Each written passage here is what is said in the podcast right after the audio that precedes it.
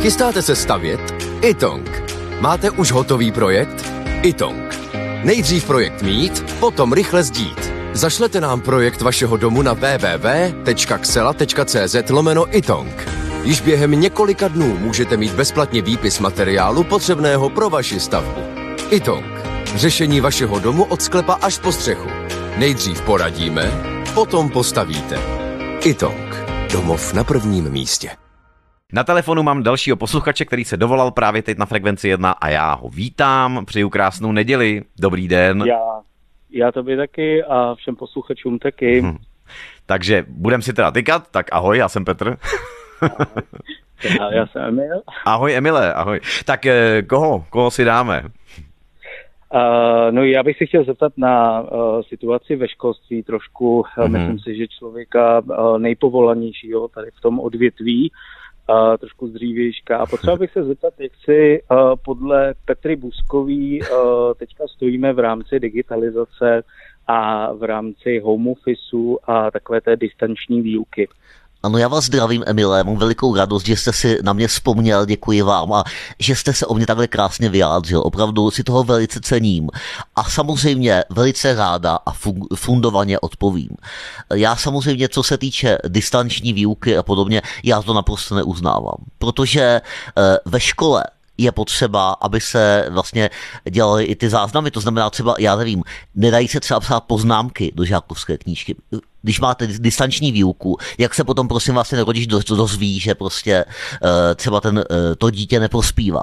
Když nemůžete hmm. psát poznámky, rozumíte? Já jsem tedy také No já jsem vlastně nedostala nikdy žádnou poznámku, ale, ale slyšela jsem, že různé poznámky, které mě opravdu tedy pobavily, třeba tak já nevím, co se třeba dostal vy za poznámky ve škole?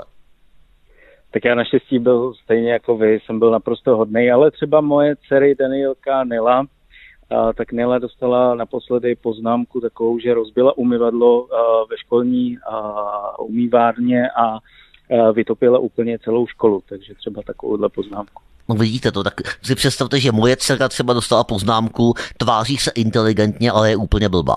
No, tak to je strašné. Tak a kdyby, kdyby pokračovala distanční výuka, tak takové ty krásné poznámky bychom prostě neměli.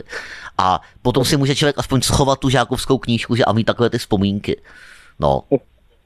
ne, děkuji, děkuji za reakci. Tak, takže, takže zhruba tak, nebo já nevím, nebo třeba si vzpomínám ještě na jednu takovou pěknou poznámku, eh, jednomu klučíkovi napsala učitelka při sexuální výchově osahává spolužačky a tvrdí, že se vzdělává. No, tak, tak to uznáte sám, že tohle to opravdu není možné. A to, to také při distanční výuce toto nezažijete a takovou poznámku byste v životě nemohl dostat. To rozhodně. To rozhodně tak vám děkuji za, dosta, za dotaz a přejme si prosím vás, ať už ta distanční výuka není a ať se všichni potkáme ve škole. Díky moc. Díky. Mějte se, nashledanou, díky. Nashledanou, nashledanou. Emile, měj se hezky, já ti děkuju, bylo to fajn s Petrou.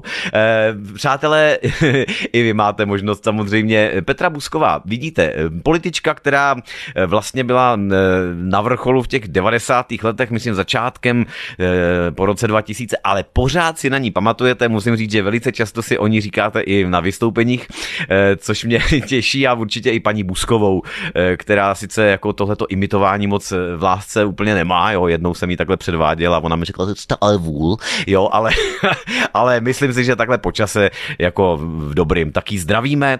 A e, vás pochopitelně e, poprosím, pokud si budete chtít popovídat, zavolejte mi na číslo 257 400 999, je to notoricky známé číslo.